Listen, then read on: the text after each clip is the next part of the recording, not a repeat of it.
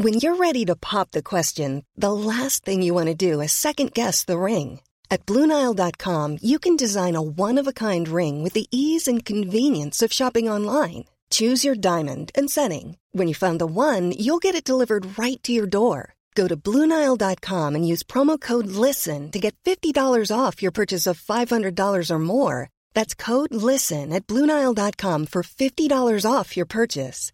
Bluenile.com code LISTEN.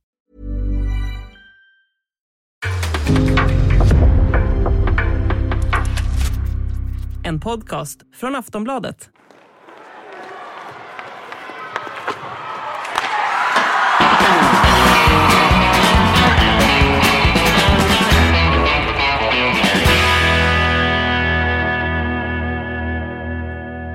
Måndag morgon och Hockeystudion är tillbaka för ännu en vecka av hockeyanalys. Här i studion har ni mig, Julia Karlsson, och med mig har jag Thomas Ros och Hans Abrahamsson. Eh, hur mår vi idag hörni? Ja, vi har ju inte varit i Polen under helgen så att vi mår ju 5 plus. Vi har varit i poolen istället va? Ja, Polen har varit. I hockeypoolen. Hockeybubblan. Julia, har- Julia har nämligen varit i Polen här i helgen, därav whiskyrösten. Kan man säga så eller? Ja, precis så. Så kan vi Ja. säga. Vi Ja. skyller på det. Vill du, mark- vill du marknadsföra Gdansk på något sätt så är det fritt fram. Är det så? Får man det? Det tycker jag. Dun- dundermysigt, dundermysigt. 10 av 10. Kan rekommendera. Hur var, hur var... Såg du någon typ av hockey i Gdansk? Alltså fanns det, fanns det några affisch eller någonting sånt där liksom eller? Mm, Nej, Nej. inte vad jag såg faktiskt. Nej. så jag har varit lite bortkopplad i helgen, men man hänger med så gott man kan ändå liksom. Jag har som en grej när jag är ute, kanske inte så trevligt mot dem jag åker till, att jag gärna vill åka till en idrottsarena. Kan vara fotbollsarena eller hockeyarena och sånt där, bara liksom att se hur liksom läktarna ser ut och sådär. Det, det är en liten USP som, som jag har, eller grej i alla fall som jag har. Då. Det är kanske inte så trevligt om man åker med ett sällskap som är noll idrottsintresserade, men jag, jag går igång på det i alla fall. Brukar du gå in också då, även om det inte är någon Om det går, om det går. Det stod faktiskt när vi kollade upp typ topp 15 saker att göra i Gdansk så var faktiskt deras arena med på 15 liksom. Så, Speedway är ju väldigt stort i Polen. är det så? Ja. Mm, ja, jag skulle säga att det var fullt fokus på VM annars som visades överallt liksom. Just det, den andra sporten. Den som vi inte nämner här. Nej. Som vi talar tyst om här. Eh, ja men hörni, ska vi hoppa in på föregående veckas hockey då kanske? Absolut. Jag tänker att vi kan väl börja med... Ah, kan vi inte börja Abris med eh, klubbkastningen då? Det var ju Ja, lite roligt. ja, Får man säga ja så? den såg jag ju inte på första parkett. Jag var ju uppe i Luleå i veckan bland annat. Så det kan vi komma tillbaka till sen. Ja, klubbkastningen var det. Ja, det hände, det hände såna där lite udda, udda grejer ibland i sporten hockey.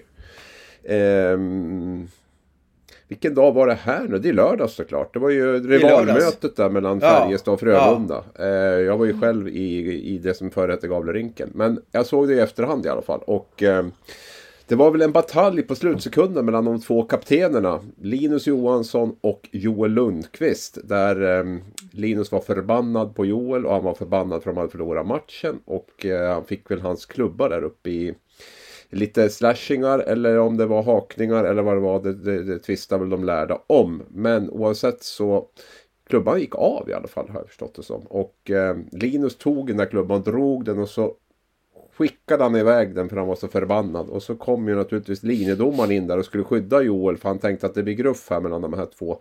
Så att den här klubban touchade väl i någon, en linjedomare. Och det blev ju då en anmälan. För som vi har varit inne på tidigare i den här podden så är det ju nolltolerans då mot all kontakt med domarna. Och det har vi ju sett eh, en hel del exempel på hur långt man kan dra detta. Eh, det har ju varit spelare som har krockat med domare där det har sett ut som att det har varit en ren olyckshändelse. Men där man ändå ska ta ansvar för det. Vi hade väl Quenville, tror jag Thomas va? Som eh, la en hand på en domare här och blev avstängd en match. Då när han skulle möta sin bror och föräldrarna var på plats och allting sånt här. Så han var jättearg på hela systemet.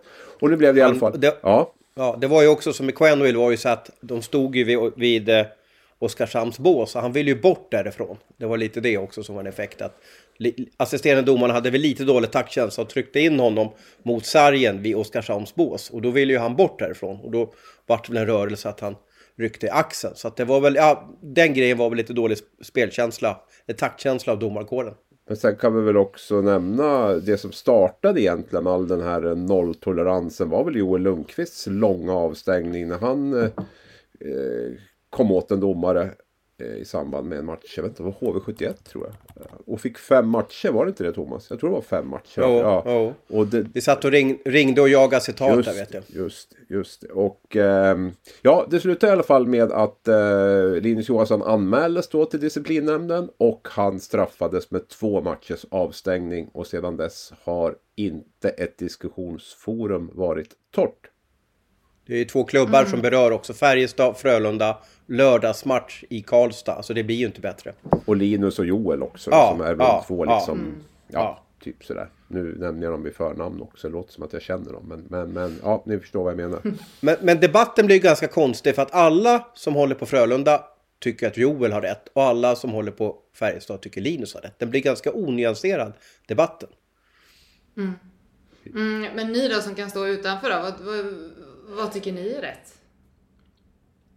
Ja, det är ju en jättebra fråga. Alltså. Det är en jätte... Jag har funderat en del på den här. Det är inte så att jag liksom blev tagen på sängen för jag misstänkte att den skulle komma. Men jag, jag tycker att den är... Jag vet inte om det har att göra med att man blivit gammal. Men det känns som att man blivit ödmjukare på något sätt. Och lite mer så här liksom att man... man ja, men de som bestämmer det har väl koll på grejerna och vi får väl liksom lita på att, att det är en eh, stringent bedömning och, och sådär. Men det är väl kanske också jävligt tråkigt när man har det jobbet som vi har. Vi ska väl tycka och tänka och ha åsikter om, om det mesta. Så att det, det, det blir lite kollision där, det, det, håller jag med om. Jag ska väl ha en... Jag, jag, jag, jag förstår egentligen båda sidor och det är det tråkigaste svar man kan ha. I min värld så så är det ju någonting som händer i stridens hetta. Det finns inget ont uppsåt i det. Ehm, jag förstår också att det finns ett allt hårdare domarklimat där, där man har verkligen bestämt sig för att vi, vi ska ha nolltolerans mot allt. För börjar vi släppa på det här så kommer det att barka därhän. Så att eh, sett till tidigare bedömningar då så, så, så får man väl eh, tycka att den är, eh, ja, det finns någon typ av rimlighet i det i alla fall. Ja, jag har ju full förståelse för om, om en spelare får ett tokspel. Ehm, det, ni har säkert sett det på YouTube, vad som, man kanske är i, i ryska amatörligor och så vidare, när de slår ner domaren. Alltså, sånt kan man ju inte acceptera. Eh, men vi måste nog bestämma oss för att om, om någon slänger en klubba bakom axeln eller någonting sånt där och, och den råkar landa på en, en domare eller om man på något sätt, om, om en domare tar tag i en spelare bakifrån och spelaren inte har en aning om att det är en domare det vill säga att han försöker ta bort handen eller kanske försöker bryta sig fri. För det kan ju vara en motståndare som håller i den här spelaren. Då, man kanske måste ha lite mer känsla där för vad som är abuse of officials och vad som är en, en, en ren och skär oturshändelse. Mm. Men om man... Mm. Ja, förlåt, jag skulle, jag skulle bara säga om, om man vänder på det då och... Alltså för han kastade ändå klubban mot Joel. Vad, vad hade det blivit om den hade träffat Joel istället för domaren?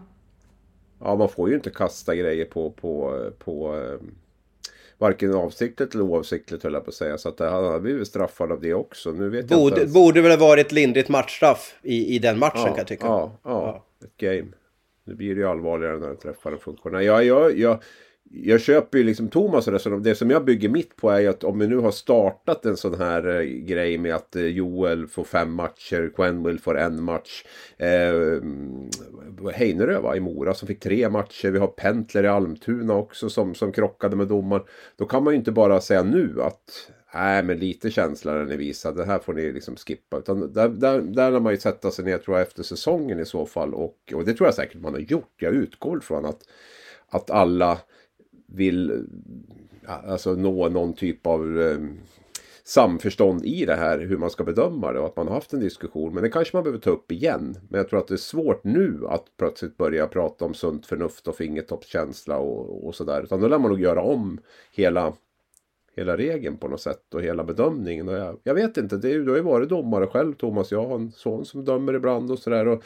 Eh, det finns ju också en det finns ju en poäng också med att ha nolltolerans mot en domare. Det är ju, sen, sen blir det ju alltid bedömningsfall när, när det inte ska vara. Och det, den där är nog olika från alla människor som du pratar med. Vad, vad, vad som är sunt.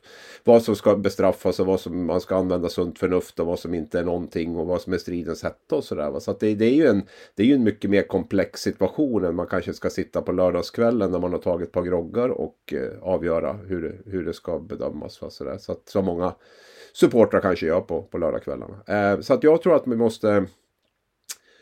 Det, det, det är en ganska svår diskussion och den väcker ju enorma men, känslor. Men är det nolltolerans och, och att uppsåtet inte har någonting med saken att göra, då, då är det ju en avstängning på Linus, punkt slut. Ja. Exakt. Och det är ja. dit jag kanske vill komma och det som du sa på ett mycket kortfattat, mer kortfattat sätt än jag gjorde. Och, och, men sen, sen, är det ju en större fråga med, med domarkåren och de har svårt med nyrekryteringar. För vem vill... Visserligen tjänar man en slant om man dömer en hockeymatch. Men vem vill döma en match eller ha ett jobb där man egentligen bara får skäll hela tiden? Och man har gjort... Jag lärde mig en gång att, att när man efter en match hörde på läktaren att föräldrar eller, eller ledare eller spelare någonting. Det bästa betyget man kan få det är när någon frågar vem var det som dömde matchen? Det vill säga att då har man inte haft någon inverkan, påverkan på själva matchen. För att det är ju, om, om jag tar en felaktig utvisning eller tar ett felaktigt mål, då kommer alla domarjäveln, vem fan är det som dömer? Ja, det är den där Ros igen. Ja, han är så jävla usel på isen alltså. Så att det bästa betyg man kunde få, det var när ingen visste vem som hade dömt matchen. Och det är ganska otacksamt jobb att ha. Det är ungefär som med mm. podden här. Så när vi inte får reaktioner på ljudet så vet vi att du har ett bra ljud. Så att när ja. ingen säger någonting så då, då, då är det, det är så vi, vi tar åt oss av beröm. Ja. När det är tyst då, då tänker vi att nu så. jävlar har det varit bra. Poddare och eh, eh domare ja, går hand i hand alltså. Ja. Men eh, det finns, ingen, det finns ingen chans att revidera det här mitt i säsongen nu liksom. Alltså just den här domar, hur känsligt det är att... Eh, ja men vem ska avgöra om det är otur eller inte otur då? Ja det är sant. Ja, det är att man har en annan bedömning. Nu, nu är det ju verkligen nolltolerans mot all form av kontakt. Det är ju att man ändrar på det i så fall. Att man säger att eh, oturliga händelser eller händelser som kan bedömas som oturligt kan, kan bedömas annorlunda. Det är, så, det är klart att allt går ju. Det är klart att man bestämmer sig för att nu sätter vi oss ner och har ett möte om det här. Så, så klart att det går att göra om. Eh, för det är ju en tolkningsfråga mycket i det där. Men, men jag tror inte att man kommer att göra det. Och jag tror att eh, i så fall att det blir aktuellt att man pratar mer om det efter säsongen. Sen ska nog domarna diskutera och fundera lite på hur heta ska man vara att flyga in i slagsmål och exempelvis han som motade bort läxingen där, eh, Keenwell. Eh, hur, hur mycket fysisk kontakt ska man ha med en hockeyspelare som är upp i varv, stressad, pressad, eh, testosteronstinn och så vidare. Eh, man, man måste nog ha lite känsla för när man ska hålla i en annan människa och när man ska släppa, tycker jag. Men just i det här fallet så är det kanske svårt att veta att det ska komma en klubba flygande. Tänker jag. Ja, det är absolut svårt. Men jag menar när, när, när linjemän eller assisterande domarna håller i en spelare bakifrån. Mm. Då måste man då säga hej, det är domare, bara, ta, ta det lugnt nu, vi, vi går härifrån. Alltså, ja. Och det är ju en ledarskapsutbildning. Alltså poliser kan jag tänka mig är väldigt skickliga på det här. Mm. Jag tror att det finns väldigt mycket olika där också beroende på vilken domare det är. Att det finns, några domare är mycket skickligare än andra på att hantera den typen av situationer. De, Vi hade de, väl någon kung, kung fu-domaren, vem var det? Var det... Sören Persson. Ja just det, han vart ju känd över hela världen när han gjorde några kung fu-grepp. Var, på... Marius Holte tror jag. Ja, i Färjestad. Ja. ja, jag tror det. Ja, det... Han läxade väl upp spelaren liksom. Gammal med, militär. Sören. Ja, ja. ja. ja. Han profil. Han var ju känd över världen som liksom stentuff liksom. Så, ja. Men jag, jag, jag, tänkte på det, det har ju varit, visst, visst var det den här veckan som det var sånt liv om de här anmälningarna också? Eller var det förra veckan? Jag börjar bli gaggig nu. Det var ju LAS och så var det ju um, Lesund där i, i, i Ängelholm, Rögle, som blev um, som blev anmälda men friade av disciplinnämnden. Ni får hjälpa mig. Thomas, du har koll där va? Var det, visst var det den här veckan? Kan det ha varit i torsdags? Jag tror det. Jag tror ja, det. det. känns så. Vi har inte pratat om det i alla fall. Det har, varit, det... det har ju varit anmälningsfrossa sista tiden, så kan vi ju säga i alla fall. Ja, och det har varit ju väldigt liv om det där. För det var fyra anmälningar den dagen. Och det var två som blev fällda och två som blev friade. Och det var ju ett jätteliv om det här att de tog död på svensk hockey. Och det var, liksom, det var, det var helt eh, galet liksom. Ja, så, här, så jag känner att ja, man kan väl diskutera om Lesund och, och Laser skulle ha blivit anmälda, absolut. Men det är väl inget problem, tycker jag, att man, att man testar det här mot... Om, om två instanser tycker att det är en avstängning, då, är det väl, då får vi väl rätta in och se att det är en avstängning. Nu väljer ju situationsrummet, ja men vi vill att disciplinnämnden ska titta på det här. Vi vill liksom få en, är det här en avstängning i Sverige 2022? Och då skickar man in det där och så får man besked från disciplinnämnden. Nej, det är ingen avstängning 2022 där. Vi tycker inte att det är en avstängning. Och då får man väl liksom, känner jag, ett, ett litet svar på det där. Då vet man väl, nu hoppas man väl att då skickar man väl inte in den typen av situationer i fortsättningen då. För nu vet man ungefär vad, vad praxis ligger. Så jag förstår inte den här upprördheten. Det är ju skillnad om man blir fälld i disciplinnämnden. Då har vi väl ett större problem. Men att skicka in situationer som man är lite osäker på tycker inte jag är något problem. Men ibland tror jag supportermössan sitter väldigt långt ner. Fast det har ju varit också så här att, att det som situationsrummet eller den här gruppen som tittar på händelser efteråt, bland annat med Per Ledin och vilka som sitter där. Det är ju det är en ganska alltså, kunnig skara av hockeyfolk som sitter ja, där och avgör om det ska skickas vidare bli en anmälan eller inte. Eh, jag tror egentligen att den här gruppen eller, eller, eller situationsrummet är nog de som skulle vilja ta själva straffet. Men det får, så får vi inte ha i, i, i svenska idrott, utan det ska ju upp till RF då. Och det är RF som, som styr via det här disciplinnämnden kan man säga, via Hockeyförbundet. Jag tror egentligen SHL skulle vilja styra över det här själv, lite som man gör i, i NHL. Det är ju inte så att det är Kanadas hockeyförbund som sitter och delar ut avstängningar i NHL, utan det är NHL som bestämmer över sin egen liga. Nej, och samtidigt så tycker jag väl att det är bra att det testas i olika instanser. Och i det här fallet så var det väl kanske bra att inte SHL bestämde utan att disciplinnämnden bestämde. För jag tror väl att vi är båda, eller alla tre är väl kanske överens om att det var ganska okej okay att, fria LAS och, och Lesund. Även om jag kan se vissa händelser i den. Är armen nedsträckt längs kroppen till exempel? Vad tar träffen? Det är klart att det, det går att diskutera de två, de, de, två tacklingarna. Men, men, eh, men eh, jag tycker nog att disciplinen tog ett rätt beslut där. Och jag, jag tycker väl att det är bättre att, att testa eh, situationer. Alltså låta pröva situationer mot, mot, då, mot den domstol då som, som finns. Sen kan man inte göra det i parti och minut. Men jag är så här också. Jag tyckte att det var jättemycket mer anmälningar förut. Det var ju huvudtacklingar till höger och vänster och alla håll och kanter. Och nu var det en diskussion om att jag kanske har helt fel. Men nu är det som att det har aldrig varit så många anmälningar som nu. Jag skulle nästan säga tvärtom. Men vi får jag, jag, tror att, jag, tror att det, jag tror att det går mode i det hela. Vi hade ju någon filmningsfrossa för någon månad sedan. Eh, för något år sedan så var det ju krokben, slowfoot, som var som var populärt. Så att det, jag tror att det går liksom lite i trender där, precis som kläder och smink och allting.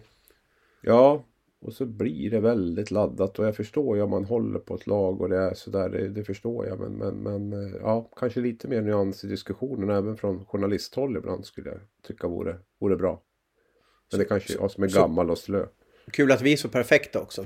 Ja, precis. Ja. Nej, men man har ju själv varit ute och vevat på barrikaderna så att det är väl det är väl eh, lite hur dagsformen är kanske.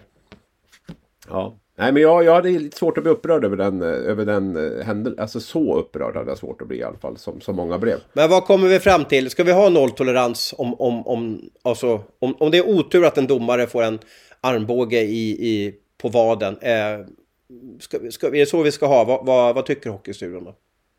Men jag tycker nog som Kjell-Olof Feldt som löntagarfonderna att det är ett jävla skit. Men nu har vi släppt varenda hit så nu får vi nog köra säsongen ut här faktiskt. Baxa! Baxa! Ja, Baxa var det till och med. Ja, ja, ja. Var. ja exakt. Ja. Nej men jag tycker nog att vi, nu får vi nog stå fast för det under, under säsongen här. Och har det varit nolltolerans tidigare, långa avstängningar eller, eller korta avstängningar och vad det har varit så, så kan vi nog inte bara avbryta det nu utan då får man nog hellre sätta Så du menar att abu abuse of official är bara skit men nu får vi baxa det hela vägen hit? Är det så ja eller bedömningen kanske på abuse ja. of official ja. är ett jävla skit. Men nu ja. har vi baxat ända hit så då får vi köra vidare. Typ något sånt om man nu då... ska vara lite ja, det här var på 80-talet va. Så att det kanske är många av våra lyssnare som inte riktigt har... Han, han skrev ju det på en lapp, Kjell-Olof i, och så var det någon ja. fotograf där, alltså 80-talets Jimmy Wikström kan man kalla det för, som zoomade in den här lappen och så spreds det liksom då. Exakt. ja.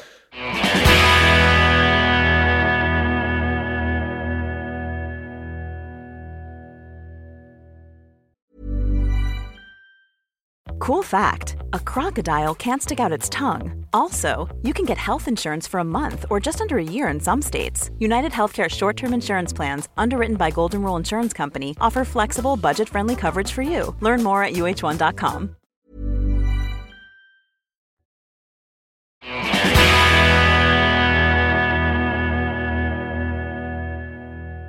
vi, jag tänker vi går vidare till, men kanske lite mer, eh, eh, lite mer spelmässigt föregående vecka. Jag tänker att vi för en gång skulle kanske vi kan börja med, med saker som har varit bra och inte gå rakt ner i liksom kvalträsket. Vi har ju snackat mycket om, eller förra veckan framförallt hyllade vi Skellefteå, men det går ju inte att ta ner föregående vecka utan att säga någonting mer om dem. Eh, de tuffar ju på som bara det. 12 raka segrar. Jag säger tror jag hela tiden för jag är alltid så nervös över att jag har räknat rätt. Finns det något, finns det något stopp på Skellefteå egentligen? Eh, ja, men det tror jag väl att det gör.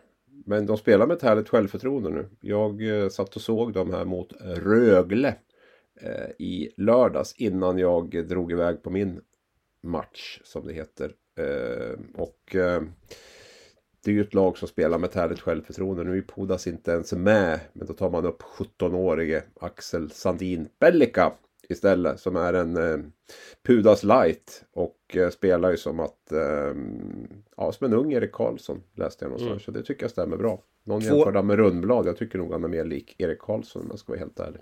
Två assist liksom, spelar 17 minuter som 17 Ja, och sättet han spelar liksom point i powerplay och, och, och liksom står där ensam på blå och, och finns liksom inga ingen rädsla alls i det han gör. Utan och de, man märker ju också att lagkamraterna har ju sånt förtroende för honom också. Liksom. De, de, de är inte direkt oroliga när han spelar. Sen finns det ju brister. Det är klart han blir ju rundad ett par gånger i det defensiva spelet. Och, och så. Så att det är klart att det gör det. Men varför ska vi hålla på och, och hålla på och snacka om det när vi är positiva? Otrolig speluppfattning och eh, kul lager i händerna. Och eh, ja, en härlig approach. Om man säger så. Det ska bli jätteroligt att följa honom på JVM. Och Skellefteå har man ju alltid sagt i hundra års tid att ska Skellefteå lyckas så ska inte Jocke Lindström och Oskar Möller spela ihop. Det vill säga att man måste hitta flera formationer som funkar. Det har, det har man ju gjort nu med, med Jonsson och Hugg och, och, och Möller. De gjorde mm. väl, de gjorde stod, låg väl bakom alla mål i lördags om jag, om jag om min statistik.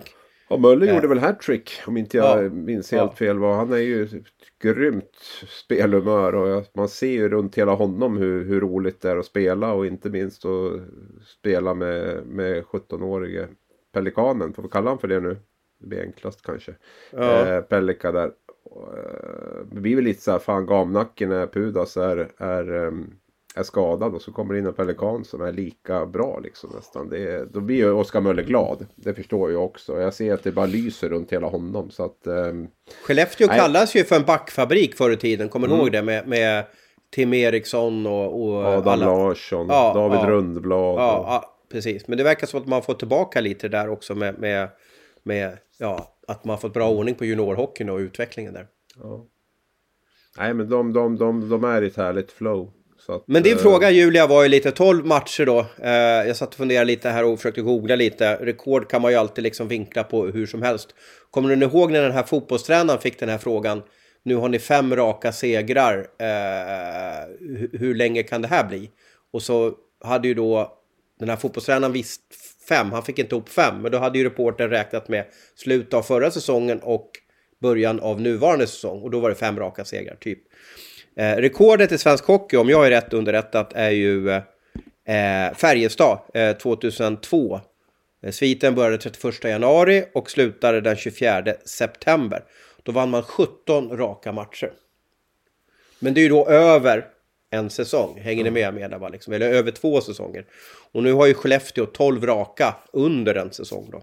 Men det som är lite kul också med den sviten. Det var ju att de är nummer två på den listan. är ju Färjestad med 16 raka segrar. Och ja, det tog man ja. under hösten 2001. Alltså ja. samma säsong som man inledde den här 17 raka långa sviten. Så den stora frågan är ju förlorade Färjestad ens hockeymatcher den, den säsongen.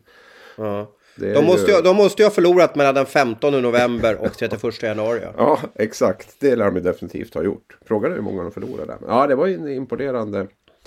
Där har Skellefteå lite och um, Fast man, man, är ju, man är ju faktiskt på plats fyra nu uh, på den här listan. Ja, ja oh, absolut. Men, men att sätta men, dubbla rekord men, samma säsong, ja. det är starkt. Och, och, det som imponerar på mig, för att det, det många spelare har sagt mig i den här säsongen, det är att årets SHL är, de säger väl inte ett otäckt, men Förut så kunde man liksom ta en mellandag och, och, och kanske vinna ändå mot ett lag. Idag så går det inte, det finns inga mellandagar. Det finns liksom inte att glida på en skridsko utan du måste vara på tå och, och alla fyra kedjor eller tre backpar, alla måste vara med. För att det är så jämnt i år. Och ändå lyckas Skellefteå då vinna de här 12 matcherna. Och innan dess, vad hade man? Sex förluster, eller vad hade man innan dess också? Så deras säsong har ju varit som en berg och dalbana också.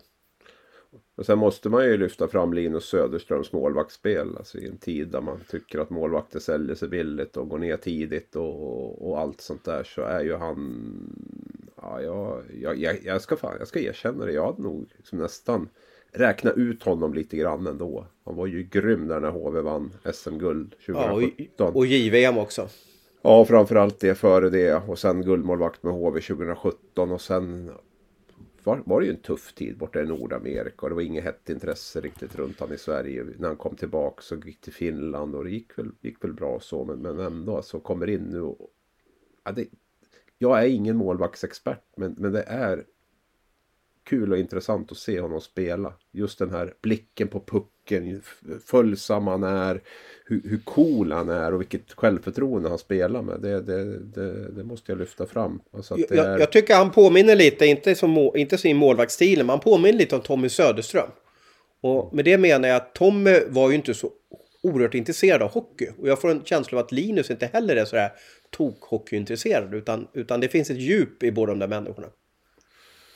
Sen är Skellefteå ett jätteroligt lag att titta på. Det är ju, man spelar mycket tejp till tejp. Alltså, alltså låter puck spela på blad på, på, och, och liksom, man har många skickliga spelare. Så att det går ju också att använda den typen av, av, av spel. Jag är ju inte sådär helsåld på det här chip in, chip out hela tiden. Utan jag tycker ju när man har läge att spela på blad så är det ju jäkligt bra att kunna göra det. Tycker jag i alla fall då. De gånger det går. Sen måste man ju bedöma. Och jag tycker att Skellefteå är ett lag som som verkligen skapar tempo i sitt spel med, med eh, genom passningsspelet och att pucken får gå och sådär. Så, så det, det tycker jag. Sen är de ju otroligt tight defensivt också. Det är ju det har ju varit lite så tidigare. Det var ju lite Leksand light kan jag känna med Skellefteå. Att det är liksom mycket framåt, mycket bakåt. Men, men, men nu har man ju verkligen tajtat till försvarsspelet och, och sådär också. Så då blir man ju det, det, den, det, då, det blir ju en jättejobbig kombination att möta ett lag som är så offensivt starkt som Skellefteå är och samtidigt så solida defensivt. Och det målvaktsspelet man har haft med gör ju att det blir svårt att vinna mot dem. Mm. För det var det jag funderade lite på, om det finns någon i Skellefteå som liksom eh, är den viktigaste spelaren eller om de är så starka lag, eh, att lagbygget bara är så starkt så att det är flera som har som bygger upp det. Vi pratar om Söderström, ja, men, men alltså målvakten är väl alltid viktigast i ett lag, det måste man väl säga. Eh, men, men det är också att man... Jag vet inte vilken som är den svåraste bortamatchen, men jag kan gissa att Rögle är en av de svåraste bortamatcherna man kan ha. Och om man släpper bara till 22 skott mot Skellefteås mål. Eh, det tycker jag det tyder ju på att man har hittat ett sätt att, att avväpna väldigt starka motståndare. Sen kan vi återigen frågasätta om Rögle är ett svårt lag att möta 2022 eller 2023. De verkar ju inte få ihop det där nere. Nej, nu har ju till och med det hyllade bortaspel, eller hyllade hemmaspelet som jag har hyllat har ju, har ju, har ju knackat nu också. Så det är klart att det är orosklockor. Men vi skulle ju foka på det positiva. Eh, ja. Jag tycker inte Skellefteå är beroende av någon speciell spelare. Det är klart att det är spelare som Linus Söderström, Podas, Möller, Per Lindholm. Alltså, men, men, jag tycker att de är många. Jonathan Jonsson är skicklig. Alltså, Wingeli gör ett jättejobb. Gör även kanske mest poäng under den här sviten om inte jag är ute och cyklar. Om inte Möller gick förbi nu kanske då. Uh, och, och, och, så vidare. Så det är många, de är unga som har kommit in som gör det jättebra med, med, med Pellika i spetsen naturligtvis. Men det finns S även Simon Rob Robertsson Exakt. måste vi nämna, Berts grabb ja, också då. Ja, ja ska inte säga Bert, för då, Berts grabb, för då tycker Bert att det blir jobbigt om vi kopplar ihop honom. Så att vi ska, Simon Robertsson har gjort det jättebra. Ja. Men han har ju lite av farsans liksom DNA i sig, ja givetvis så har han ju det. Eh, men han är lite sådär tjurig på isen och sådär. Jag, jag älskar ju sånt när, när unga spelare tar för sig. Ja, han är väldigt hypad som ung spelare och har haft några tunga år nu. Men nu känns det som att han börjar växa i kostymen. Säkert mycket förväntningar och sådär också. Man kommer fram som Berts-grabb ja, och, så vidare. Och, efternamnet. Och inte så lätt att, ja, inte så lätt att leva upp till alla gånger kanske. Så jag tycker att nu tror jag att han har landat lite mer i då. Det blir, blir spännande att följa honom framöver här. Då. Och så. Jag tänker vi uh, hoppar vidare lite grann. Medan vi ändå är här uppe på de som det går jäkligt bra för just nu så eh, tänkte jag både Växjö och Frölunda knasar ju på. Ja. på framgångståget? Ja, jag var ju och såg Växjö. Tror det. Du var såg Ja, det? i lördags. Det här är otroligt pinsamt men jag tror att det är första gången, eller det är första gången jag såg dem live i höst faktiskt. Så att, men, men det var ju på tiden då kan man väl säga. Och, eh, Och, och jag lyckades se dem en match, jag lyckades se dem en match live och då förlorade man på hemmaplan mot Malmö. Så att, ja. ja. Nej, och Växjö, eh, Växjö gjorde ingen eh, fantominsats den här gången. Långt därifrån skulle jag vilja påstå. Jag tror eh, de var riktigt ganska illa ute. Men har ju en, en första kedja som, eh, som levererar. En succékedja som leds av en succéspelare. Namn Kalle Kossila. Som har kommit in här efter landslagsuppehållet. Eller han gjorde väl debut matchen innan landslagsuppehållet. Men eh, har ju spelat kontinuerligt nu under, sedan, sedan efter landslagsuppehållet. Och, och eh, nio mål på nio matcher, säger en hel del. Tror jag 13 poäng på de nio senaste. Och eh, hela den kedjan där med eh, Dan Sexton och Hugo Gustafsson. Vi pratade väl om dem förra veckan? Gjorde vi inte? Ja. Ja, skitsamma. Ja, 28 poäng där av dem. Men de, det var ju de som, som gjorde de tre första målen liksom. Och, och höll Växjö kvar i en match som, som, som Brynäs borde ha vunnit och som var, var, var bättre i och, och, och sådär. Men, men eh, Svagt målvaktsspel från Anders Lindbäck måste vi ändå säga. Och eh, den här Växjökedjan som, eh, som går lite på Går lite på vatten just nu. Det gjorde ju att Växjö kom undan med, med alla tre poängen. Men man kan bättre. Spelmässigt kan man bättre än det man visade upp nu. Men, men, men eh, det är klart Växjö har en enorm effektivitet och bra, eh, alltså, bra målvaktsspel också. Man lever lite farligt kanske där. Men men man behöver nog få igång fler spelare tror jag om man ska fortsätta vara topplag. Är det någon som kan gissa var eh, Kossela är född någonstans? Finland!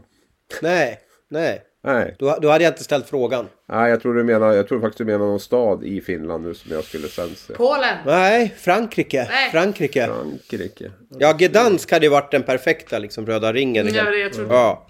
ja nu, nu är le sur Seine i, i Frankrike. Jag uttal, ursäkta mitt uttal i alla fall. Det hade inte jag en aning om. Nej, Undrar varför han är född där. college i USA. Lite en annorlunda väg har han ju gått Kossila. Han gick ju college borta i, i USA där. Odraftad. Uh, tog sig ändå till, till, till NHL. eh, och sådär. Så att det är ju en liten... St. Cloud State University. Det är, det är en bra hockeyskola. Är det. Och du är ju lite våran universitetsguru. Eh, Vad har du för omdöme om St. Cloud? Vad kan man säga? Ja, men de, de rankas ju collegena i liksom, om det är A, AA, AAA. Men det här det är ju en av de liksom, bättre skola skulle jag säga. Han gjorde alltså 54 poäng en säsong där. Och han gick alla fyra år också. Det brukar de inte riktigt orka med. Utan de här som är riktigt duktiga brukar bara typ köra två år. Och sen är man sugen på att man får inte tjäna pengar under college. Undrar vad han gjorde för, vad han har för degree och sådär. Alltså utbildning. Eh, sådär. Nu är det ju snart tio år sedan han gick på college då. Men ja, nu, nu vart jag väldigt... Han var ju ett... Han var utlånad till, till tyska ligan också ett år där. Eh, och sen Schweiz och sådär. Ah, vilken intressant eh, karriär han har haft.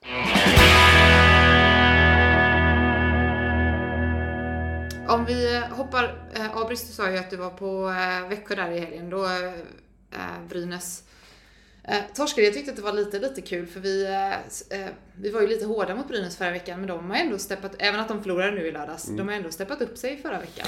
Ja, ja, och det gör man ju till och från under säsongen. Man har haft bra perioder tidigare också. Så att, den här veckan har väl vann Timrå borta och borde ju ha vunnit Växjö hemma. Så spelmässigt så, prestationsmässigt så var det ett fall framåt. Och så har det väl sett ut lite grann. Det är väl just att hitta den där jämnheten över tid då som är, som är lite problem. Nu, och hitta ett målvaktsspel också som, som bär dem till segrar. Vi satt ju och ranka jag satt och rankade Brynäs målvaktspar som seriens bästa. Men det där pratade vi om lite förra veckan så jag ska inte fastna i det. Men det är klart att det förstärktes väl ytterligare. Nu var Lindbäck väldigt bra mot Timrå och ordnade på stor del i poängen där. Men, men hade ju en väldigt jobbig lördag kväll då. Anton Rudin då, han blir så frågasatt. Han gjorde ändå två poäng i den här matchen då. Hur, hur... Är han där liksom eller? Ja, jo, nej, men det har jag väl varit. Tycker ju det, att han eh, bidrar med mycket mer än, än vad, han, vad han tar. Så att eh, det visar sig ganska tydligt också när Johan Larsson och Anton Rudin inte var med. Eh, att Brynäs hade väldigt svårt att vinna hockeymatcher. Och nu är de ju tillbaka på båda två och då har man ju levererat två bra insatser. Så att den, den första kedjan med Larsson, Rudin och Timashov är ju är ju bra, är ju sevärd, är ju produktiv och, och inte minst i powerplay då så är ju Rudin eh, en viktig spelare för dem. Så att, eh, jo men det tycker jag att han är. hur var stämningen i, i eh, arenan då, monitorarenan där när, när de gjorde mål med 56 sekunder kvar Växjö?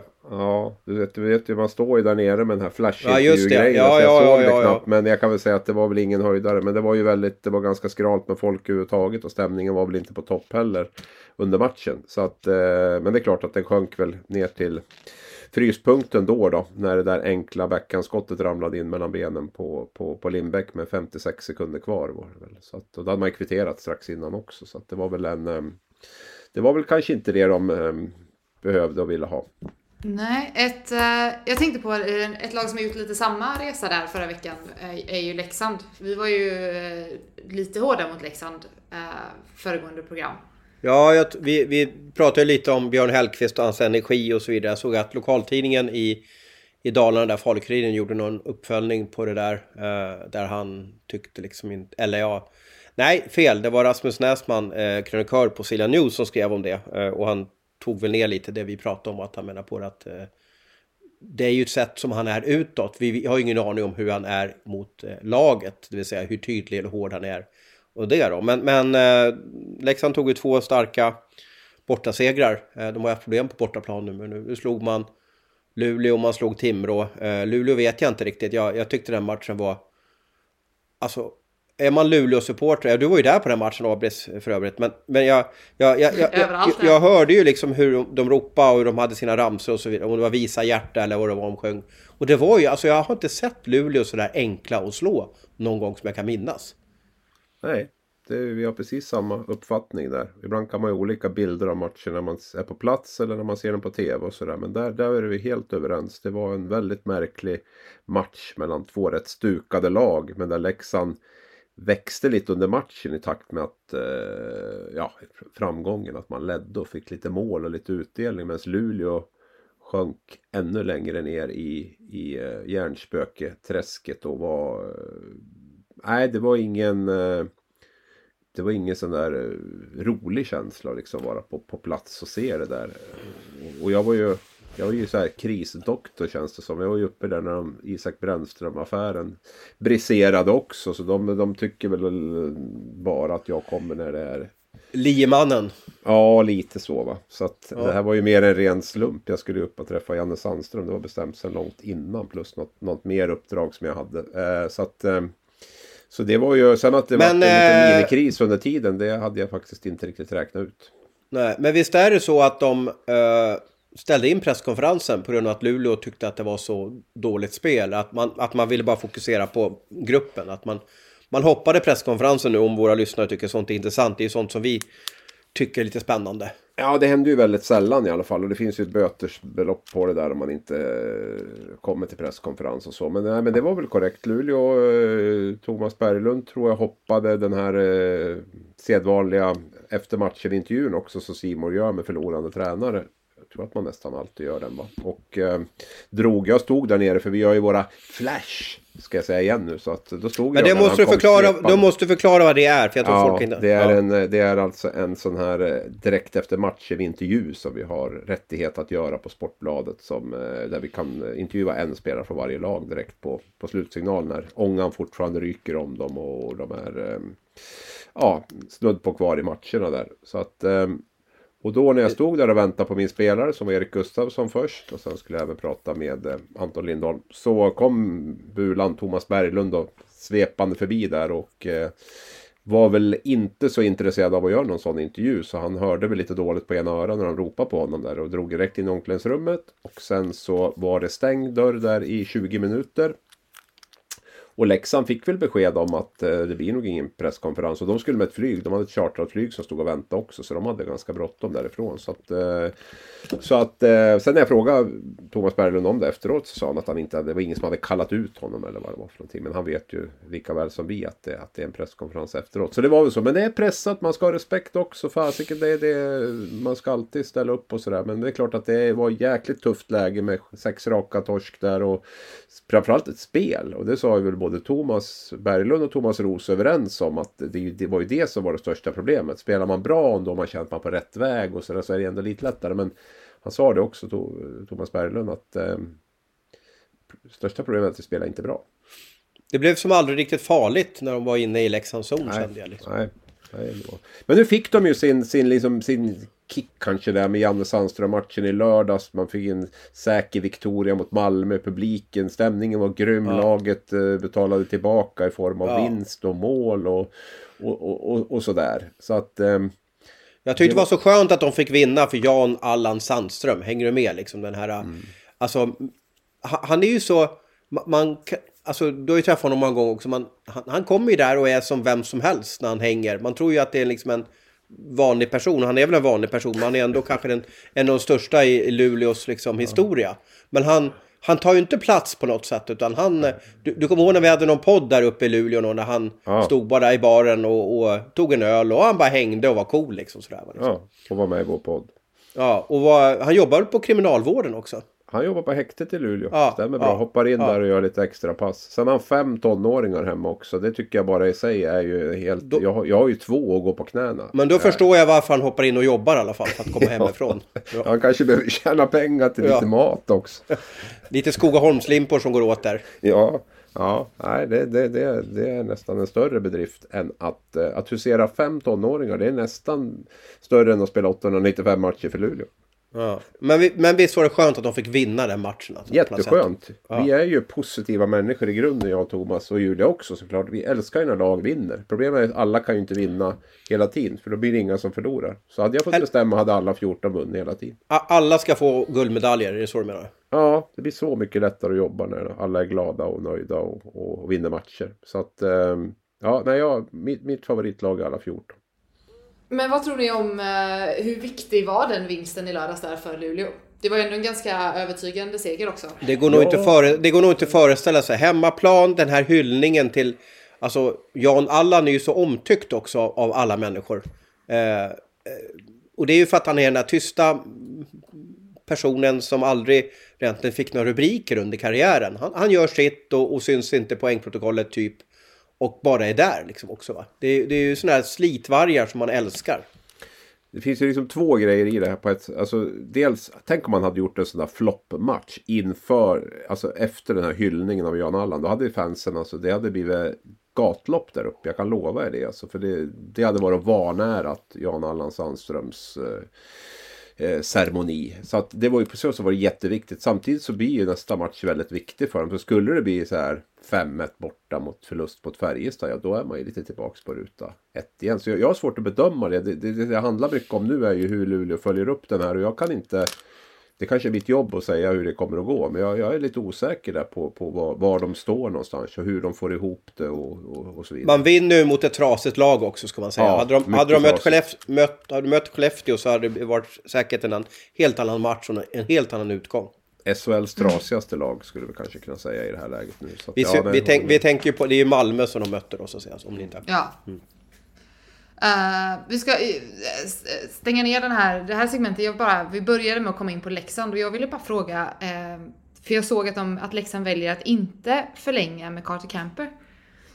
Uh, Och det där är en grym vattendelare kan jag säga. Alltså det, det, är en, det är så många som är intresserade av Leksand som, som diskuterar i små grupper på olika plattformar och tycker det här är... En del tycker att det är helt rätt och en del tycker helt fel. Jag och Abri satt och pratade om det här innan podden Eh, och så vidare. Och jag, kan ju, jag förstår ju Leksand varför man, i alla fall just nu, väljer att inte skriva ett längre kontrakt med en spelare som är 34 år och tjänar jättebra pengar. Eh, samtidigt så är ju han, ser vi över de här tre åren som har varit, tre och ett halvt år i Leksand, så är ju han som har gjort mest poäng i laget. Han, han, han kanske inte har det högsta poängsnittet, ja ett av de högsta poängsnittet tillsammans med Mark Rivik, men, men det finns ju ingen spelare i Leksand som har levererat eh, match ut och match in som honom. Men han har ju, många tycker ju att han är, han är lite vek, lite sådär mjuk på isen och det tror jag många stör sig på. För mig är han en eh, 5 plus-spelare och en 5 plus-individ. Jag har, han är en av de trevligaste hockeyspelarna jag har, har eh, eh, råkat på. Eh, Stefan Liv, Stefan Hellqvist, eh, Rami Shaban tyckte jag var helt enorm. Han var ju inte hockeyspelare men en idrottare i alla fall. Eh, eh, eh, Nils van der Poel tycker jag är helt magisk. Men, men Carter Camper har också någonting i det här. En djup och en trevlighet i sig som jag tycker är enormt. Att en sån skicklig idrottsman klarar av att vara så trevlig och schysst. Det, det tycker jag är häftigt. Men man får ju inte kontrakt för att man är trevlig utan det här är ju business det handlar om. Det är ju det är pengar, det är extremt mycket, eh, det är dyra kontrakt och eh, jag, jag, förstår ju Leksand att de inte vill satsa på ett flerårskontrakt med Carter Camper. Och kanske också vill gå, eh, ta ner hans lön. Men det ska bli intressant att se om han vinner poängligan nu i Leksand den här säsongen. Om man klarar av att inte erbjuda honom ett nytt kontrakt. Men, men du som går mot, med örat mot rälsen där uppe i Leksand och så vet du någonting? För det, det, det är ju en ganska stor fråga där. Har han blivit erbjuden ett år? Har han inte blivit erbjuden någonting? Eller, det, jag, det, jag, det jag har hört när jag, när jag gick och lyssnade på, på eh, Café Siljan här, eller konditori Siljan, så är det att eh, eh, de har frågat Leksand, eh, det vill säga staben runt, eh, eh, runt Camper och då har Leksand sagt att nej, just nu har vi inget förslag. Nej, inte ens ett år liksom. För jag Nej. kan ju förstå om man inte ska ha fyra år med en kille som är 34. Men man kan ju erbjuda ett år, man kan erbjuda, erbjuda två år liksom. Men det verkar som inte ha fått någonting då. Man har Nej, men, men Leksand ska ju bygga ett lag inför nästa år. Och i ja. stort sett så är forwardsplatserna fulla. Man har förlängt med Klås fast inte gått ut med det. Man har kontrakt med Max Verneau som börjar gälla från nästa år. Han är ju bara tjänstledig. Det vill säga att laget är kanske fullt redan också. Mm. Och sen måste man ju erbjuda plats till yngre spelare som kommer underifrån. Man kan ju inte bara spela med, med 30-åringar. Utan du måste ju fylla på också. Och det, just nu finns det inte så mycket utrymme i Leksands forwardsuppsättning. Och sen kanske man har värvat någon, någon tungviktare någonstans också. Men vad hade ni gjort om ni var Thomas Johansson då? Jag tror att det här är jättesvårt, efter, speciellt nu de här två matcherna. Eh, han gjorde väl poäng mot Luleå också, eller mål mot ja. Luleå va? Ja. Han leder ju, han leder ju målligan deras, han leder poängligan deras. Han är som du är inne på, han har väl det högsta poängsnittet ihop med, med Rivik möjligtvis då, sen, sen, sen han kom dit. Så det är ju det, och det är ju garanterat en spelare som, som skulle få tre år tror jag i en annan SHL-klubb. Det, det, tror jag. Inte i alla, men, men han, han kommer inte behöva gå arbetslös. Det tror jag inte. För han är Sen så, jag har ju varit hemma hos honom och gjort en intervju. Han har ju en sån helt fantastisk familj där, så här lite så här klassisk amerikansk med med en jättehund, någon sån där, eh, alltså någon typ av Sankt Bernhardshund. Det ser ut som en stor björn som går omkring där. Så han har ju verkligen boat in sig i lilla Leksand. Han bor ju i en liten by utanför Leksand. Så det känns som att de trivs genuint och jag tycker så synd om. Ja, det kanske man är, nu är man den där mushiga gubben igen då, men, men att de måste tvingas flytta, jag, jag tycker det är taskigt. Men det är business, det är business. Så det är väl bara, vad, vad, vad säger du Rabri som kan se det från ditt helikopterperspektiv från Sätraåsen där? Ja, precis. Nej, ja, jag är väl som jag var inne på lite grann så, så är det väl en spelare som jag definitivt skulle kunna tänka mig, med, inte skriva ett långt kontrakt med kanske, men, men, men som jag ändå skulle erbjuda. Man, man typ undrar ju när det, alla är ju inte Joel Lundqvist, men någon dag tar det ju slut, hänger du med? Ja, ja. Man undrar när det, när det tar slut, liksom sådär. Ja, jo, han är ju 34 så att det är ju fortfarande... Han fyller, han, fyller, han fyller 35 innan nästa säsong. Ja, jo, nej, men det börjar väl att, att gå uppåt där. Men hockeyspelare idag kan ju spela i alla fall upp till 35-36 skulle jag vilja säga. Utan, sen beror det ju på, han är ganska lätt i kroppen känns det som. Ganska så här Håller sig i bra shape. Det är ingen dubbelhaka direkt på honom. Och, och sådär. Har ju en ganska smart spelstil också. Så, så att, men, men, eh, men visst, jag sitter ju inte på helheten. Jag vet ju inte. De kan ju ha två kanoner som är, som är klara sen, sen, sen tidigare och sådär. Så att... Eh, nej, den, den är svår. Men det är oavsett hur de gör så är det ju det är en bra nyhet. Och det är det som är det intressanta för oss. Att, att man nu inte vill eh, börja snacka kontrakt med honom. Och det är ju en ganska tydlig passning om att du är inte högprioriterad i vårt lagbygge nästa år. Annars är det ju en spelare man knyter upp. Och, och då ska man ju inte vara kvar egentligen också. Hänger Nej, det blir lite så. Det är ja. lite som om du blir dissad av, uh, av en tjej va? Eller en kille om du nu är ja. tjej. Eller, eller om du tvär, ja, om du gillar samkönat ja. eller vad det är. Så, så alltså, ja. blir det nobben där så kan det vara vettigt att eller lite såhär, ja vi, ja, vi, ja vi kan gå på bio, men jag, vill, jag, ja, ja, jag, jag kan gå på bio med dig, men jag, jag, innan jag säger ja så vill jag fråga fem andra. Så kan man säga.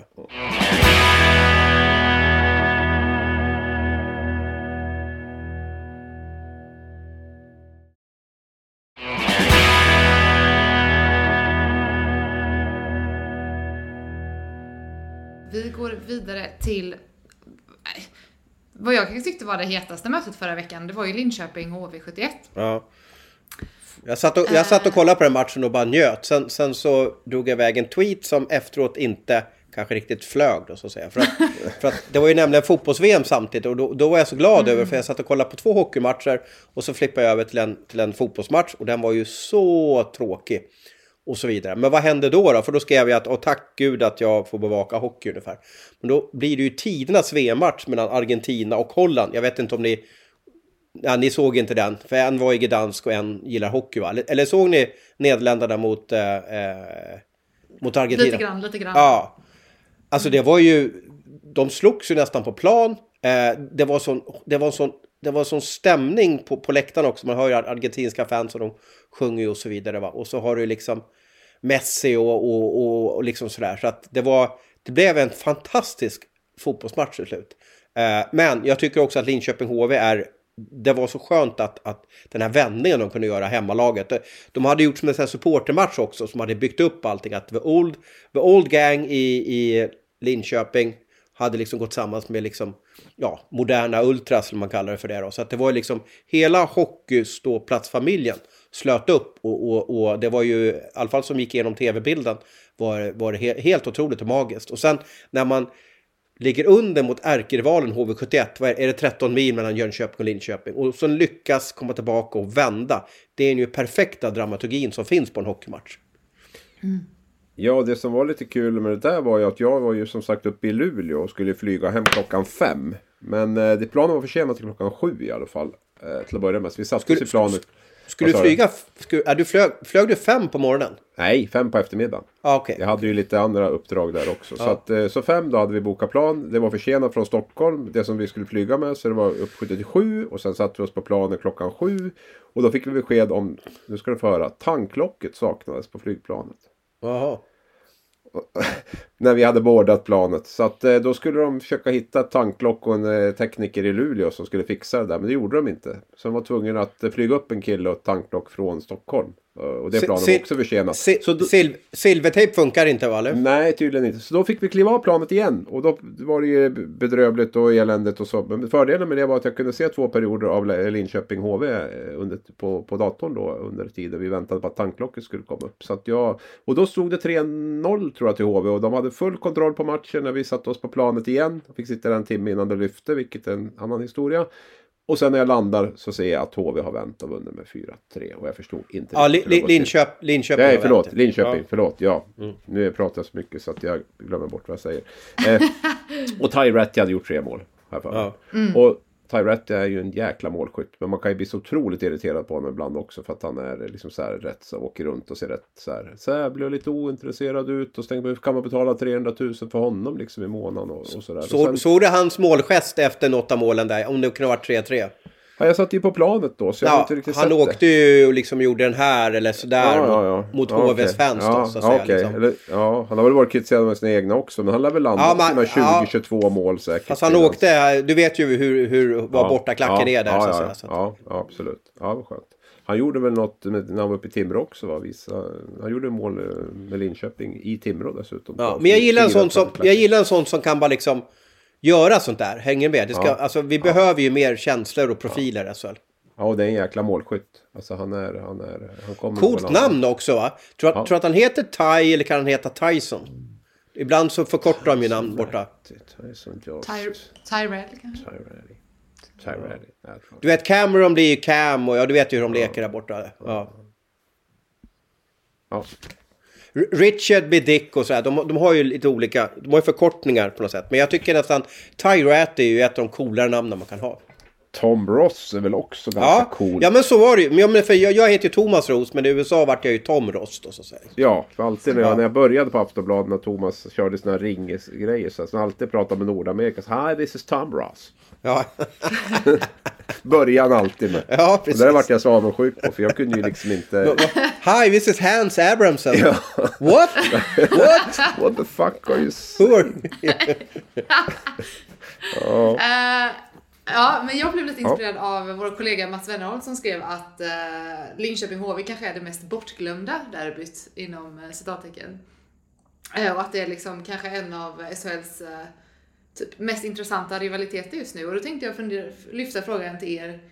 Vilka är SHLs uh, roligaste rivalmöten egentligen?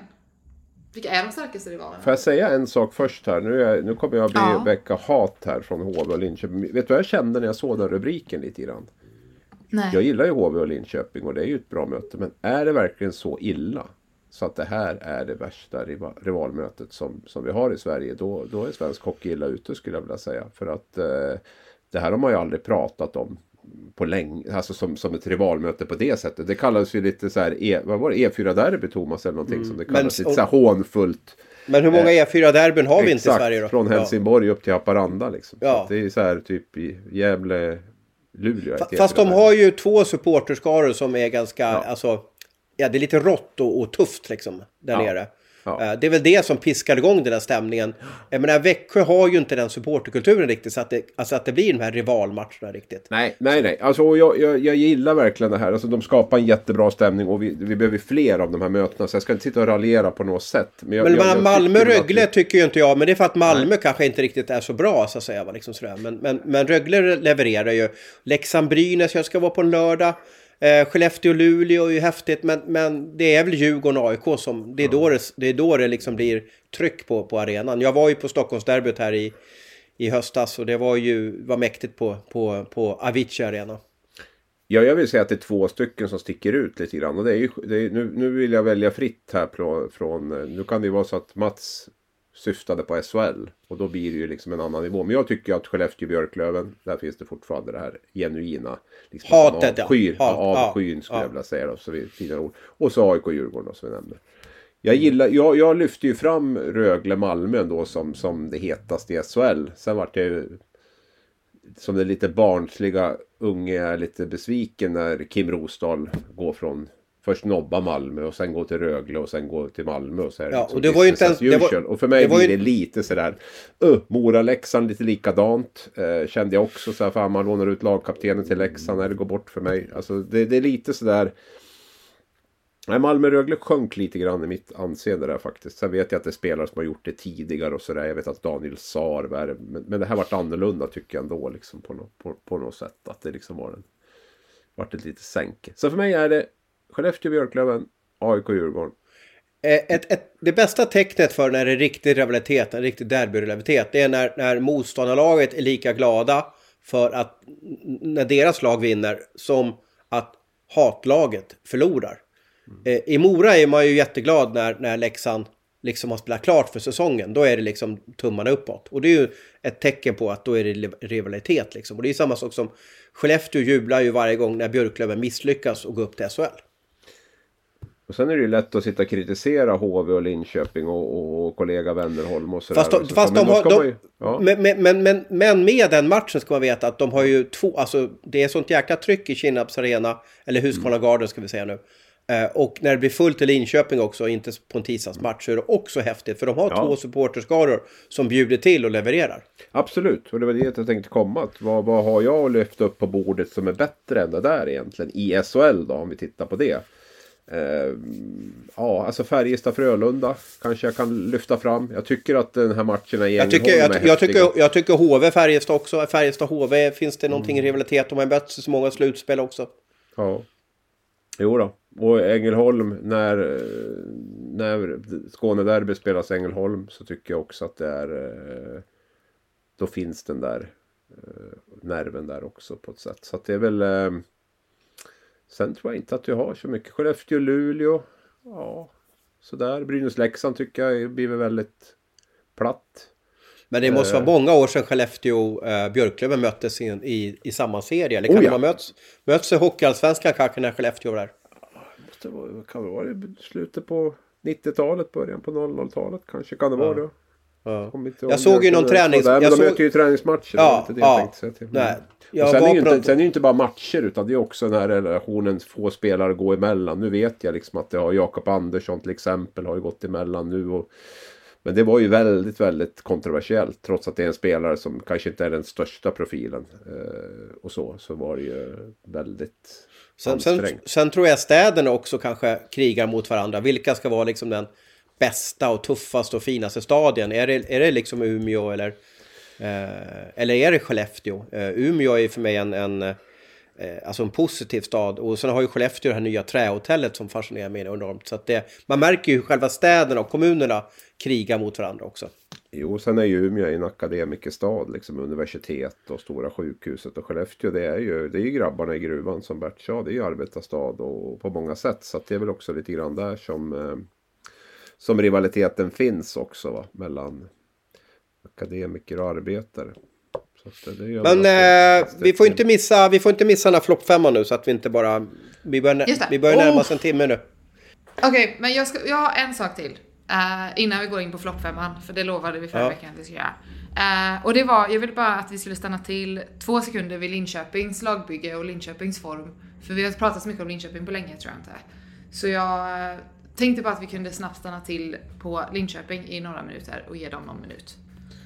Ja, jag var ju elak mot Linköping. Jag var ju på dåligt humör och såg dem för tredje gången. De var jättedåliga när de mötte Malmö och vart utspelat på hemmaplan och skrev någon arg eh, tyckare där om att de får nog fan, det här kommer gå åt skogen och frågan är om Östman ska vara kvar och, och lite sånt där som jag, som jag hade. Och de där brukar man få käka upp. Jag skrev något liknande om Fagervall för något år sedan i Malmö och sen vände det för Malmö. Och nu har det väl vänt lite för Linköping också. Det är väl en helt annan Eh, en helt annan känsla runt Linköping där. Jag skrev väl också eh, till deras försvar då att både Marcus Ljung och inte minst Oskar Fantenberg var ju, var ju skadade under lång period. Och de har fått tillbaka dem och inte minst Fantenberg är ju otroligt viktig för stabiliteten i, i, i försvaret. Man har fått igång lite flera forwards som levererar framåt.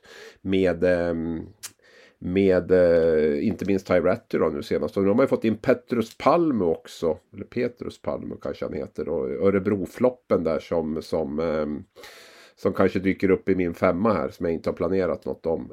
Eh, sådär. Så att man, man har ju fått igång fler spel. Det, det, det känns bättre. Det är klart att Linköping kommer inte att dansa till en slutspelsplats hur lätt som helst. Men den här akuta faran med, med kvalspel känner jag ändå kanske man har lite bättre kontroll på nu. Kommer du ihåg att vi pratade om Brock Little för några program sedan? Att han, han var väl... Det hände väl någonting mot eh, Frölunda? Det var väl någon tackling, kommer du ihåg det? Ja, Och- Borgmans där ja. Ja, Borgman ja. Och vi trodde ju först att det inte var så farligt. Men han har ju inte spelat sen den här, den här tacklingen. Nej. Men nu är de ju inte lika beroende av Brock heller. De har ju fått tillbaka ändå. De har ju lite bredare trupp nu också. eh, Och så. Så att det känns väl som att eh, de har klarat av att hantera det. Och det är väl framförallt tycker jag det här. Och sen är det ju fascinerande med. Niklas Persson som vi, vi mässade om då. Niklas Persson genom manager för Linköping, byggt det här laget, haft hyfsat mycket pengar, hjälpt dem väldigt mycket. Han är ju som en, jag tror han har varit 11 säsonger som spelare och ledare i Linköping. Han väljer att, att anställa en assistent till Peter Jakobsson och nu får Niklas sluta och Peter tar hans roll. Det vill säga han, han anställde en person som, det är ju inte Peter som har tagit hans jobb, men som klubbledningen tyckte gjorde ett bättre jobb. Den, den måste svida lite alltså. Sen vet jag inte om inte klubbledningen också var lite involverad i den rekryteringen av Peter Jakobsson. Att, de, eh, att det kanske var en, en tanke från dem att det var Niklas Perssons sista år som kommer nu. Att Peter skulle ta över. Så att jag vet inte om det bara var Niklas Perssons initiativ att anställa eh, Peter Jakobsson. Utan jag tror nog att det var en, en styrelse och klubbdirektörsfråga också. Att man kände att det var dags för något, något nytt. Men att de fick gå omlott under ett år. Eh, Men din fråga lite Linköping där. Ja, men just nu är ju de i den här mitt, mittgeggan där med många lag. Det är ju så sjukt jämnt i, i serien. Man ligger någon poäng bakom Luleå och så vidare. Eh, jag tror inte att de kan vara en utmanare om SM-guldet, men de kan mycket väl kanske nypa en, en plats i eh, ja, åttondelsfinalen då, där lag 7-10 får spela då. Tror ni Petrus Palme kommer göra bättre ifrån sig i Linköping än han gjorde i Örebro? Ja, det kommer Han lär- det och han kan lär inte bli sämre. Han, nej, han har ju inte fått spela så att det är väl... Nej, och Eh, när de spelar har han ju skämt ut sig i stort sett på slutet här. Ja. Och tog några jättedumma utvisningar och med, snack med domare och allt vad det är för någonting. Så att han har jättemycket att leva upp till. Men jag har svårt att se att det ska kunna gå sämre än vad det har gjort i, i Örebro. och tänk, tänk dig vad han kommer ge järnet när han möter Örebro också. Ja, gud.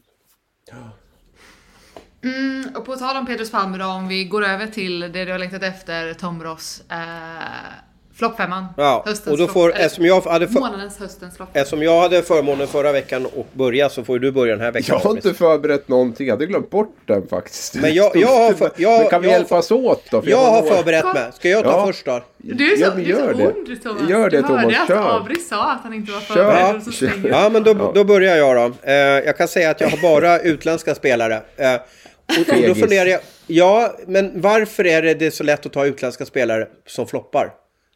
Jag tror att man har en mindre så här, relation på något sätt. Att de inte lyssnar lite- på vår podd så att de förstår inte vår podd så att man liksom...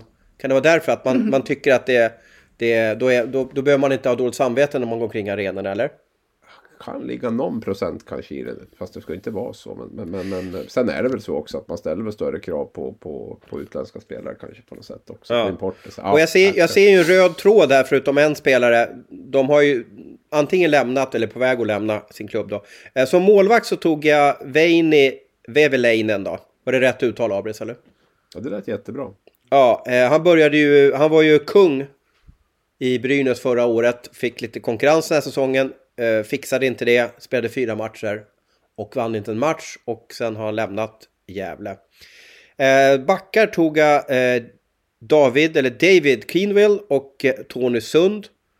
Eh, eh, har väl inte gjort någonting, gjort någon människa glad i eh, Oskarshamn. Och Tony Sund på något sätt kanske lite tufft mot honom, men jag, jag tycker inte han har levererat som jag tycker att han ska göra. Och han är ju också en av de här spelarna.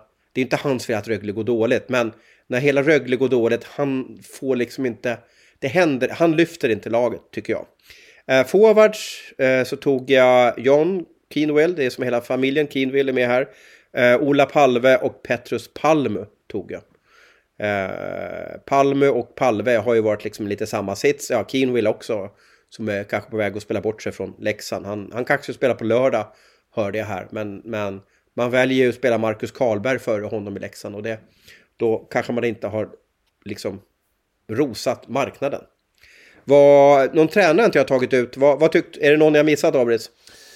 Eh, jag hade kanske, alltså sett till hela tiden så kan jag väl tycka kanske att Anders Lindbäck har varit en större flopp än Väveläinen på det sättet. Nu har Lindbäck gjort en hel, några bra matcher också så att det kan ju vara till hans eh, till hans räddning på något sätt. Men att, att någon av Brynäs målvakter ändå måste rankas som största floppen, det tycker jag vi är överens om. Sen tycker jag att du har helt rätt med Tony Sund.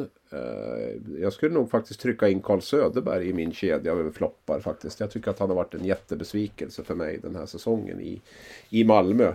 Eh, Palmu tycker jag definitivt bör vara med där som en flopp. Och sen om man väljer Palve eller Quenwill, Quenwill som, som ehm, som eh, tredje forward där. Det är väl en smaksak kan jag tycka. Eh, ja, så att jag, du, du var inte alls så, så snett på Nej, det. Söderberg, vem, vem är vilk, vilken är den största floppcoachen om du får ta ut den då? Just nu så är det väl Cam Abbott va? Är det inte så? Man har, och, och det är ju intressant, vad är en flopp egentligen? För att kan Thomas Kollar vara ett flopp egentligen? Det kan han vara. Absolut. Och han är väl en av Men, men kandidaterna. vad är en flopp för dig då? En, när, när, när kan man sätta en rubrik flopp då? En tränare som inte får ut maximalt av sitt lag. Fast det måste vara höga förväntningar också då, eller hur? Ja, eller också att man har att Malmö tar tre poäng och, eh, så här långt typ. Då, då, då kan man ju ändå tycka att, att Malmö borde ha tagit fler poäng. Även om vi var överens om att de skulle sluta sist så, så kan de ju ha en poängskörd som är eh, bedrövligt dålig. Och då kan man ju tycka att han inte har fått ut max av sitt lag heller. Annars är det väl det att eh, lag som man tippar en bit upp som, som, som inte levererar. Det, eh, sen kan det ju hänga ihop med skador eller vad som helst. Alltså, som gör att det kan förmildra omständigheter. Men, men eh, när jag sitter och, och tar det så här lite på uppstuds så är det väl eh, för mig så har väl Cam Abbott och det handlar väl också lite grann, Man är ju färgad av det, ja, men bara det här lite lagstraffet han tar i torsdags exempelvis som delvis sänker hans lag. Det är liksom det, han sprider inte någon bra, bra energi runt sig just nu och laget går inte bra heller. Sen har han väl kanske inte det bästa lagbygget runt sig heller. Det har ju blivit lite snett där i, i Rögle och så men, men eh, just nu så måste jag nog lyfta fram honom. Jag sitter förtvivlat och letar efter kandidater här men jag tror att det är, det är han och, och, och kollar också naturligtvis. Har ju en Jag har, jag, jag har ju svårt att se att Kollar kan vara en flopp. Ehm, ja, jag trodde kanske att det skulle få ihop gruppen lite bättre med tanke på att de, eh, de gick så pass bra under sista delen av serien han tog över. Nu var det väl kanske nyhetens behag och så. Men och starten på serien var ju också jättebra för Malmö och sådär. Så att, ja, nog är det väl en lite miniflopp att inte Malmö ser bättre ut i alla fall än, vad- än vad man gör just nu. Det tycker jag. Sen att man kan förlora matcher är en sak. Men man, man ser inte bra ut just nu. Ja, men och med det så stänger vi ner veckans avsnitt av uh, Hockeystudion. Jag får fundera på vilken femma vi ska göra till nästa vecka. Nu har vi gjort hyllningar och floppfemma. Överraskningsfemma eller något kanske. Gubbfemman kanske för att hedra, hedra oss. Gubbar. Tack, eh, ja verkligen. Tack, Eller, ja, eller, eller, er. eller så låter vi en hockeyspelare ta ut flopp journalistfemman då. Oh, det hade också varit kul. Ja. Mm, ja, tack till dig Tom Ross. Tack Hans Abrahamsson. Thank you, Eh, Julia. Thank you. Tack alla ni som har Carlson. lyssnat. Julia Carlson. Så... och så hörs vi igen om en vecka. Ha det gott.